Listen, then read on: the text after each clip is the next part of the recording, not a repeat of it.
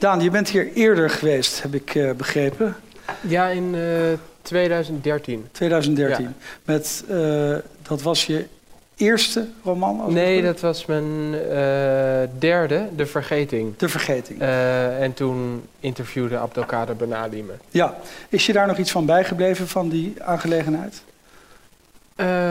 Alleen hoe, hoe hij interviewde, heel intuïtief en vreemd. En wat, en, maar dat werkte wel. Hij, hij, hij zocht meer naar zijn eigen gedachten en op een gegeven moment mocht ik daar dan iets op zeggen. En Mhm. dat was meer het gesprek. En dat was eigenlijk wel. Dat was eigenlijk wel. Dat paste ook wel bij het boek, want het was een gek boek. Mhm. Dus het was eigenlijk wel een le levendige, leuke avond toen. Nou, ik stel je die vraag bewust omdat jij een schrijver bent die uh, het metaniveau niet schuwt. Dus ik denk uh, dat we daar wel een antwoord op konden verwachten. Dat heb je gegeven. Uh, jouw boeken heb ik net al in het voorbereidende gesprek opgemerkt. En ik wil eigenlijk wel graag weten wat je er zelf van vindt. Die zijn in mijn beleving uh, zo verschillend dat het eigenlijk bijna iedere keer een ander boek lijkt, maar dan wel geschreven door jou. Ja. Zie je dat zo? Ja, dat, is, dat, dat heb ik ook altijd wel. Um, dat heb ik altijd wel zo gewild. Dat vind ik bij schrijvers die dat doen altijd een, uh, een grote plus. Uh, dat vind ik bij muzikanten die dat doen altijd belangrijk. En eigenlijk bij kunstenaars in het algemeen vind ik dat uh, voor ze pleiten. Mhm. Mm -hmm. En het merkt. En ik heb ook gemerkt dat, uh, dat het voor mij voorziet in een, in een grote behoefte. Want het, het schrijven van een boek, uh, dat is in beginfase alleen maar leuk, omdat je, omdat je mogelijkheden uh, ervaart en ontdekt die je eerst niet gezien had. Dus Mhm. er zijn er alleen maar mogelijkheden en, en dan moet je het gaan afronden en dan zie je eigenlijk bijna alle mogelijkheden uh, wegvallen, behalve één. Mhm. En um, hoe, hoe, meer je schrijft, hoe meer je het boek definieert, hoe minder kanten je nog op kunt. Dus als het boek eenmaal afgerond is, wil ik al die mogelijkheden die ik niet heb benut, wel benutten. Mhm. En dat kan natuurlijk nooit, maar dat, daar kom ik dan halverwege achter bij het volgende Mhm. boek. En dan wil ik.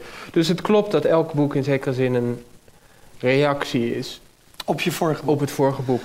Nou ja, dat klopt in dit geval heel erg goed. Uh, de Laatste Oorlog is geen experimentele roman. Uh, uh, en de hoofdpersoon heet, en dan wou ik het meteen over die mogelijkheden hebben. De hoofdpersoon heet Kaplan. Ja. Dat is een naam die je niet zomaar kunt gebruiken. We kennen de beroemde roman van Leon de Winter. Dat was natuurlijk ook een heel belangrijke roman, omdat Leon de Winter daarmee een andere kant in zijn oeuvre opging. Hij werd meer een verteller. Hij werd iemand die de grote thema's die hem echt beroerden niet langer uit de weg wilde gaan. Ging dat allemaal door je hoofd toen je die naam Kaplan koos voor je hoofdpersoon? Achternaam? Uh, nee, want het, uh, het is ook de naam van, een, van het hoofdpersonage in North by Northwest, de film van uh, Hitchcock. Mm -hmm. um, en dat gaat over een man die wordt aangezien voor een geheim agent en die er moet achterkomen wie hij is. Mm -hmm. In zekere zin ook waar dit boek over gaat. Mm -hmm. En dat vond ik, uh, dus dat is eigenlijk de, de verwijzing die, die, die, ik, uh, die me werkelijk aan het, uh, aan het hart ging. -hmm. En ik wist inderdaad, maar redelijk laat, eigenlijk beschamend laat, dacht ik aan, dat, aan het boek van Leon de Winter. En toen dacht ik, kan ik dat maken? Maar ik, vond, ik vind eigenlijk dat schrijvers niet zich al te zeer bezig moeten houden. En als ik met, met voorgangers, dus... Uh, voor mij was de keuze, trek ik me daar iets van aan of niet? En ik besloot het niet te doen. Uh, terwijl er wel inderdaad uh, enige parallellen zijn tussen dat, dat, boek Kaplan en dit boek. Maar verder de, de, inderdaad de bijna gedaantewisseling van, van Leon de Winter rondom dat boek... daar heb ik geen moment over Mhm. nagedacht. Maar ik vind het wel, wel een interessante gedachte. Mm um, er is iets brandends actueels in je boek. Uh, overal staan de kranten vol met vluchtelingenproblematiek. Uh, en dat komt in jouw roman ook op een bepaalde manier voor. Ja. Op een manier, ik denk niet dat uh, een vluchteling graag zo'n weldoener als Kaplan treft. Nee. Maar goed, uh, hoe ging dat in zijn werk? was je er al mee bezig? ja, de, de, ik weet nog dat ik een eerste versie inleverde. Een hele gemankeerde, incomplete eerste versie. Dat was in op mei 2014. Dus uh, dat, is, dat is echt lang geleden. Toen die vluchtelingenproblematiek volgens mij nog niet, niet speelde. Nou, of niet in de vorm die we Nee, kennen, of in ieder nee, geval, nee. of in ieder geval uh, marginaal, marginaal was. Mhm. Dus ik had niet voorzien dat het zo de, uh, de, de, de waarheid, de werkelijkheid ging benaderen eigenlijk. Um, ik heb me wel beslo besloten toen, want in 2015 ging ik herschrijven en toen begon het. Mhm. Um, ik heb wel besloten om het toen van het nieuws een beetje af te sluiten. Mhm. Om te zorgen dat het niet een soort imitatie wordt, uh, werd van, uh, van hoe het in het echt verlopen is met die vluchtelingencrisis. Uh, want als het goed is, dat vind ik zelf altijd interessant van. Ik, ik, vind boeken die de werkelijkheid, romans die de werkelijkheid helemaal beschrijven of proberen te vangen, die vind ik altijd na vijf jaar, Mhm. die zijn niet herleesbaar. Mhm. Dus ik wilde een boek maken waar, waarin de werkelijkheid wel een vorm kreeg en waar je af en toe kon denken, het lijkt wel heel erg op hoe het gaat. Mhm. Maar dat ook tegelijkertijd een soort metaforisch Mhm. iets heeft. Dus er wel een afstand tussen de werkelijkheid. Uh, dus daarom heb ik me een beetje afgesloten van het, uh, van het nieuws om vrij dat boek Mhm. te, te kunnen maken. Mhm. Metaforisch is natuurlijk ook hoe uh, Kaplan eigenlijk tweede kansen krijgt in het boek. Hè? Ook als we toespitsen op de vluchteling. Er komt een klein jongetje in zijn vizier die vlucht begrijpen we. Hij wordt gepest. Ook dat begrijpen we eigenlijk uit de observaties, of tenminste de interpretatie van Kaplan. Uh, die heet Ibrahim, maar hij noemt hem Abraham. Uh, dat wordt niet zoveel met die vluchteling. Maar daarna komt er een andere vluchteling in zijn vizier, een Roemeense jongen.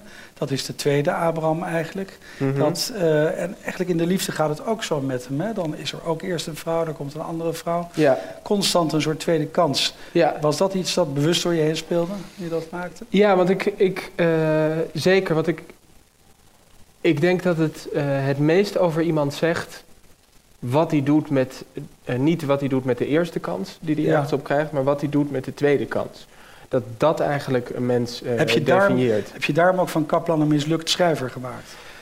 Uh, ja, al heb ik hem dus nooit beschouwd als een mislukt, mislukt schrijver. Mhm. Sowieso niet als een loser. Ik hou niet van die, van die lo loser Mhm. hoofdpersonen, daar hou ik niet zo van. Mhm. Kaplan is iemand die wil vechten voor zijn kansen, maar dat steeds op een verkeerd moment doet. Het is wel een vechter.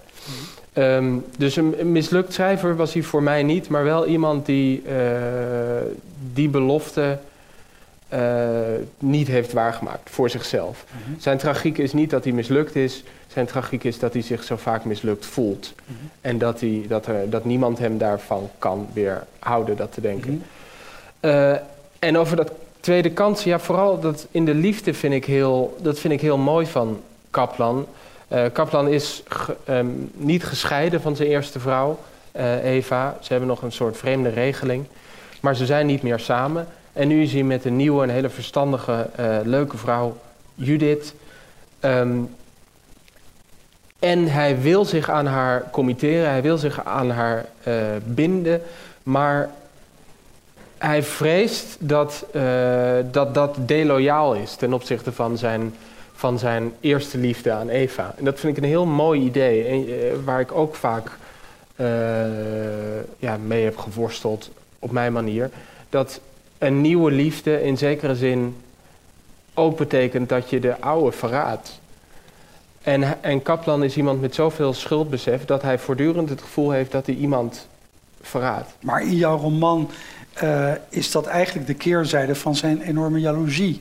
Want die heeft hij ook. Ja, en uh, welke bedoel je precies? Jaloezie? Uh, de jaloezie op Eva, als ik het goed heb. Ja, ja de, de, die, die, die haar carrière is, is ja. aanzienlijk beter gegaan dan, dan die van hem. Ja. Maar waar hij vooral jaloers op is, is dat zij hem minder nodig heeft gehad dan hij haar Mhm. mm -hmm. nodig heeft gehad. Dus ja, dat is, dat is jaloezie. En, en hij is inderdaad, hij hoopt ergens nog dat het goed komt op een irreële manier. En dus ervaart hij anderen als een...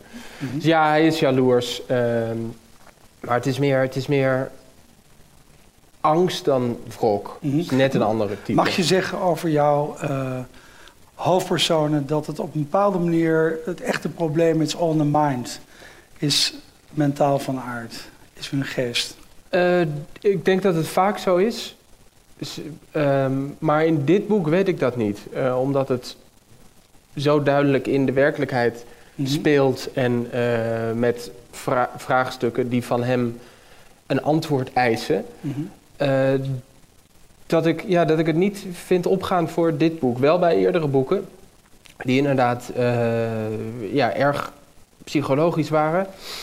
Uh, en dat is dit ook wel, maar hier speelt de handeling en de actie uh, en het feit dat de werkelijkheid een antwoord van hem verlangt een grotere rol. Mm -hmm.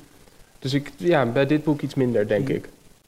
Um, ik zag net tot mijn vreugde niet alleen dit boek bij Boekhandel van Stockholm achterin liggen, maar ook jouw uh, reisverhaal. Reisverhaal is een beetje de lichte aanduiding, vind ik, voor wat het is. Dat is het verslag van, nou ja, de tocht die je hebt gemaakt naar Auschwitz. Um, heeft dat je op een andere manier naar de werkelijkheid laten kijken? Ja, ja. Het, uh, toen was ik dus al een heel end op streek met, uh, met deze roman. En toen kwam, toen kwam min of meer het plan langs. Toen werd ik gevraagd door Frida Mulis, de dochter van Harry Mulis, of zij me mocht interviewen. En min of meer impulsief zou, zei ik, dat is goed, maar dan in Auschwitz. Wat een vreemde reactie was, maar dat was vermoedelijk, uh, interpreteer ik achteraf, om mezelf eindelijk eens te dwingen om daarheen te gaan. En waarom ik eindelijk zeg, dat voert te ver, maar dat staat in dat boekje. Um, en ik, ja, het deed me op een andere manier naar de werkelijkheid kijken, omdat ik de... Um, dat is de enige plek waar ik ooit geweest ben en vermoedelijk de enige plek waar ik ooit zal komen waar niks relativeerbaar is. Dus al het uh, nou ja, gedoe over fictie, werkelijkheid, verdwijnt daar gewoon. Mm. Het, is, uh, het is. Maar dat kwam ook door. We waren op een hele rare dag daar. Men had gezegd dat het gesloten zou zijn, waardoor er niemand was gekomen. Dus zij en ik liepen min of meer alleen door door dat kamp en het sneeuwde. Dus het leek ook een soort vertoning. Mm.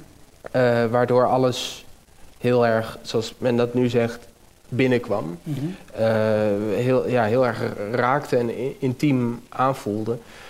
Maar ik ben daardoor.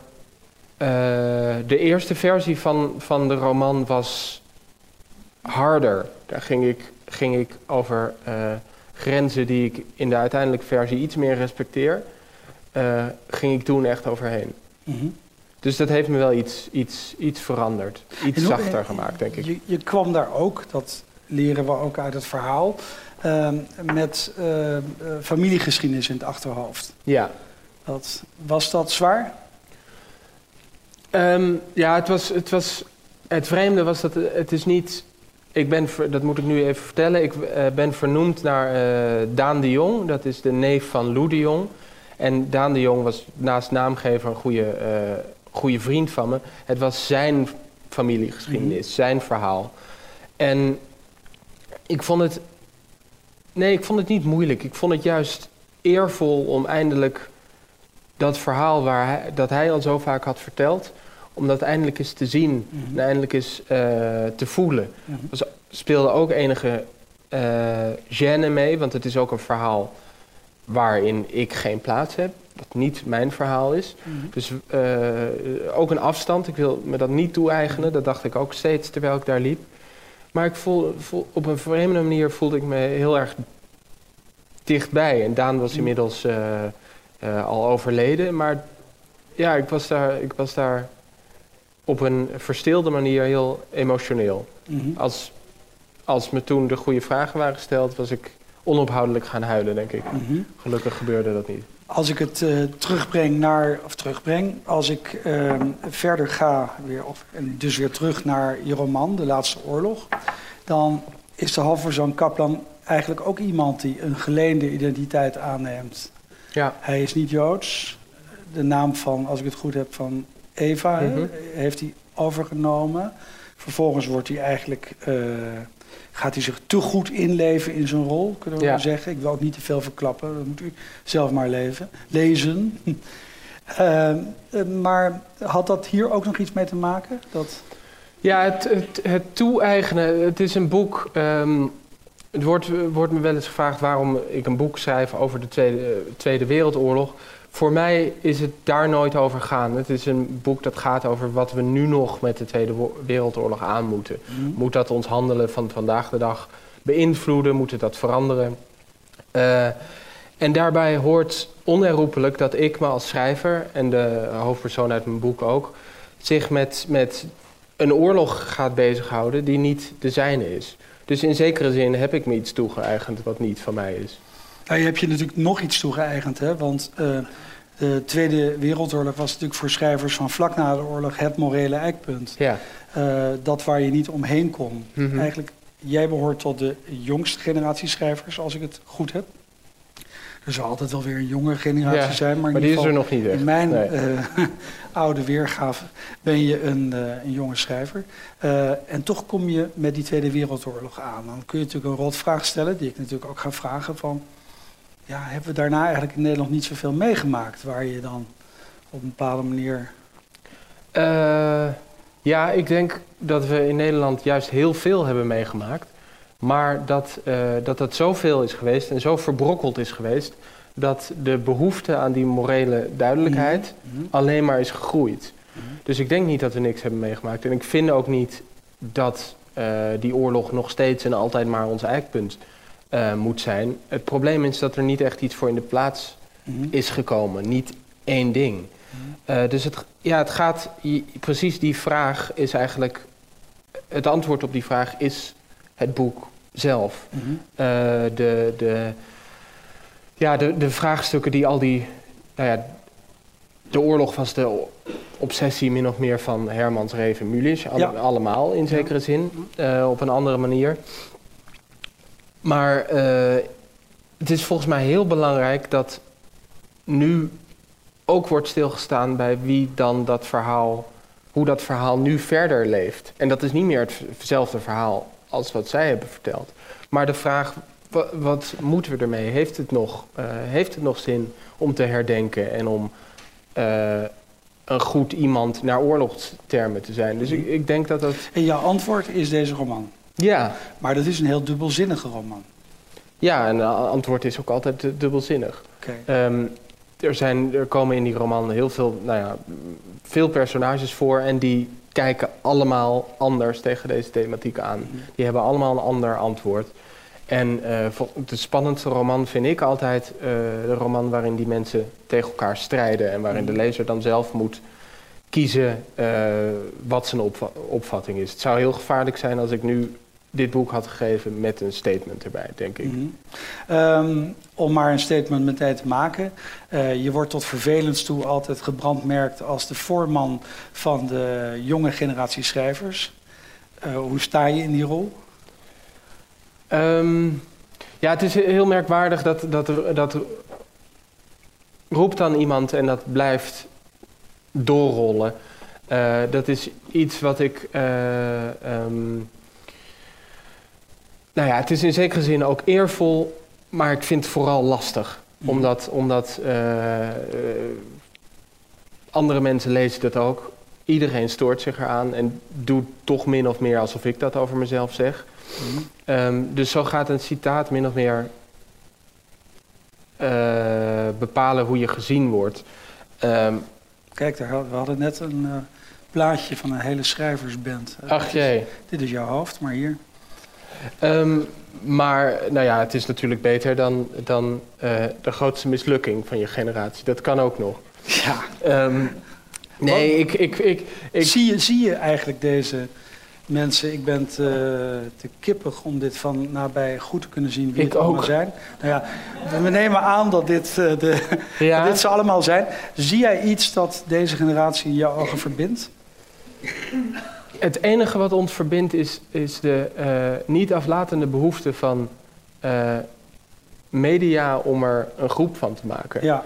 Om, om er onder het label jonge schrijvers ons nou ja, op die manier samen te gooien.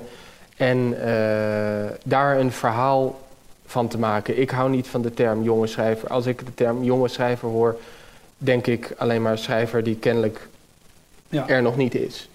De schrijver die de. Ja. Dus ik, ik hou daar niet zo van. Ik denk niet dat er. eh, er zijn. Ja, we schrijven allemaal zo. We schrijven dus allemaal zo anders. Mhm. Ehm, dus nee, ik, ik herken dat eigenlijk helemaal niet. Het enige wat ons bindt is dus die behoefte van de media. En ook dat ieder van ons zou zeggen.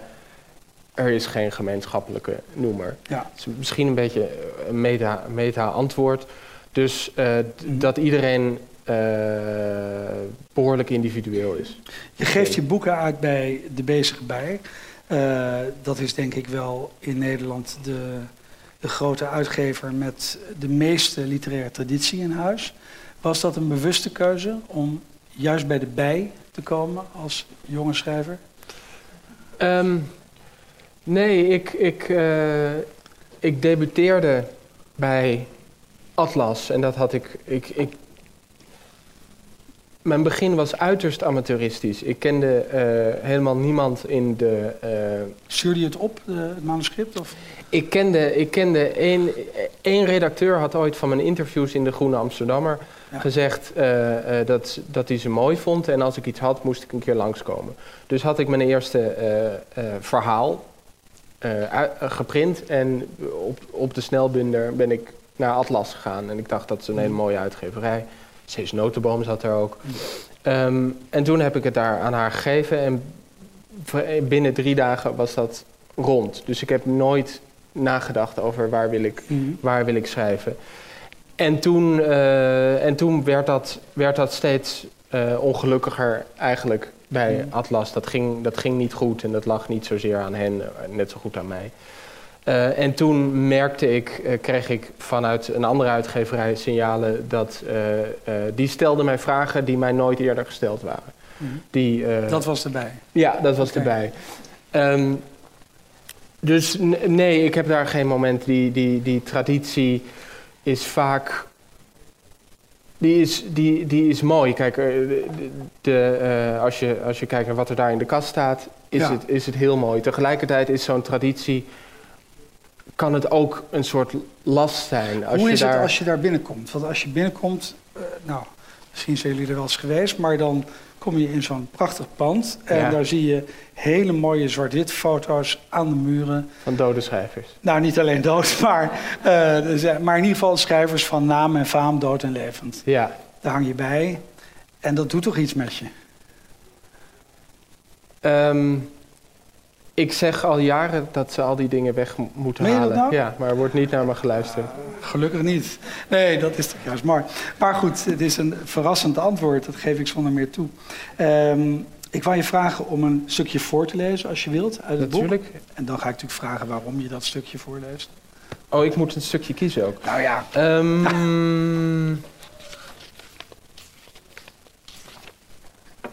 ik denk dat ik het helemaal het begin doe. Dat is een, eh, eigenlijk een terugblik. Het begint in 1988, heel kort. En daarna springt het naar het heden. Twee mensen, een man en een vrouw, 24 en 22 jaar oud, bevroren in het flitslicht. Tot dan toe had hun samenzijn bestaan uit nachten en ochtenden, uit slapen en wakker worden. Ze lachten en stoeiden en zoenden. De herhaling was bedwelmend. De klamme, gerimpelde lakens hadden iets weg van hooggebergte op een wereldkaart. In het midden van de kaart was een dal van uitgeputte springveren te vinden, dat zij liefkozend de neukuil noemde. Op zomaar een ochtend pakte hij zijn camera en ging op het bed staan. Zij lag naakt onder hem, bijtend op het topje van haar duim, haar middenrif schudde van het lachen. Dat was het beeld dat hij zou vastleggen. Op het moment van flitsen wist hij dat hij de foto zou laten uitvergroten en in, inlijsten. Het ding moest boven haar bed hangen. Dan wist hij tenminste zeker dat ze naar hem zou blijven kijken. Ook al stond hij zelf niet afgebeeld, elke keer dat hij naar de foto keek, zou hij zichzelf zien. Deze foto was hun belofte aan de wereld. Wat ze toen niet wisten, was dat ze zich steeds moeilijker zouden gaan verhouden tot die in de tijd verankerde versies van henzelf. Eerst zouden ze zichzelf er nog in herkennen en vielen ze, zich, vielen ze nog enigszins met hen samen. Maar na verloop van tijd zou blijken dat de jaren van ongecompliceerde perfectie definitief voorbij waren. Het lukte hun niet meer zo te glimlachen als op die foto. Het plezier van dat gevangen moment leek een commentaar op het stille heden. De vrouw op de foto lachte hen uit. Tot slot zouden twee vragen overblijven. Welke levens waren voor die belofte in de plaats gekomen? En vooral, zouden de man en de vrouw hun laatste kans op het nakomen van die belofte grijpen of laten varen? Dat is mooi. Dat is inderdaad helemaal het begin. Dat is bijna een soort parabelachtig begin. Uh, waarin je ook uh, uh, snel schakelt. Eh, het zit al in die ene zin waarin je het hebt over een hoogte van waar je kijkt en het dal. Uh, dit soort verschillen laat je zien. Uh, je hebt het ook over de verandering in perspectief in dat fragment, waarin de schrijver, uh, of sorry, de schrijver, waarin Kaplan, want die mogen we er toch van herkennen, al denkt aan een latere blik op het geheel, een blik van de vrouw op hem, van een foto. waarom koos je voor dit complexe, mooie beeld? Um, dat, is, dat is eigenlijk uit het, uit het echte leven. Ik uh, was met mijn uh, vriendin. Ik kende haar nog nauwelijks en we besloten. Uh, ik stelde voor om op vakantie te gaan. Um, dat deed ik alleen maar omdat ik dacht dat doen hele romantische mensen. Het past eigenlijk helemaal niet bij mij. dus ik was ook behoorlijk benauwd toen ze ja zei. Um, en wat bleek, juist doordat we elkaar niet zo goed kenden, hadden we daar uh, twee weken lang op Sicilië. Uh, ik had nog nooit zoiets meegemaakt. Zo'n intense um, explosie van een liefde die we nog niet. We wisten nog niet eens dat het een liefde kon worden. En ik weet nog dat ik een, uh, op een ochtend haar camera pakte en die foto van haar maakte. En zodra ik die weergave daarvan zag, mm. een digitale weergave, voelde ik een soort kou in me opwellen. Dat het moment dat daar nog vloeiend was geweest, nu ineens kaal en koud was. En dat ik me uh, uh, van die hele vakantie waarschijnlijk alleen maar dat beeld, dat echt perfect was. Daarin was hij zo gelukkig en ik wist, dit is nu, uh, terwijl dit het, het summum is van wat we hier meemaken, dit kan een schaduw worden. En dat vond ik zo'n ja, zo'n belangrijke omwenteling. Een omwenteling die elke liefde eigenlijk wel kent. Het moment waarop je denkt, uh, de, het is perfect. En zodra je dat vaststelt, ben je bang om het te verliezen. Mm. En uh, nou ja, dat omslagpunt is heel kenmerkend ook voor uh, Kaplan. En die foto gaat later in het boek uh, ook nog een rol spelen. Dus dat is ook nog een uh, uh, verhaaltechnische kant. maar dat, ja, het, het, het, moment waarop hij zich bewust wordt van het geluk en het daardoor verliest, vind, vind ik heel mooi. En dat trof me toen in het echt en dat wilde ik overbrengen. Mm. Daan, je bent inmiddels in een recensie zelfs al een, ondanks je jonge leeftijd, uh, al een veelschrijver genoemd. Maar in dit geval ben ik er blij mee, want ik heb genoten van uh, deze roman. En ik wil je hartelijk danken voor het uh, gesprek. Jij bedankt. Oké. Okay.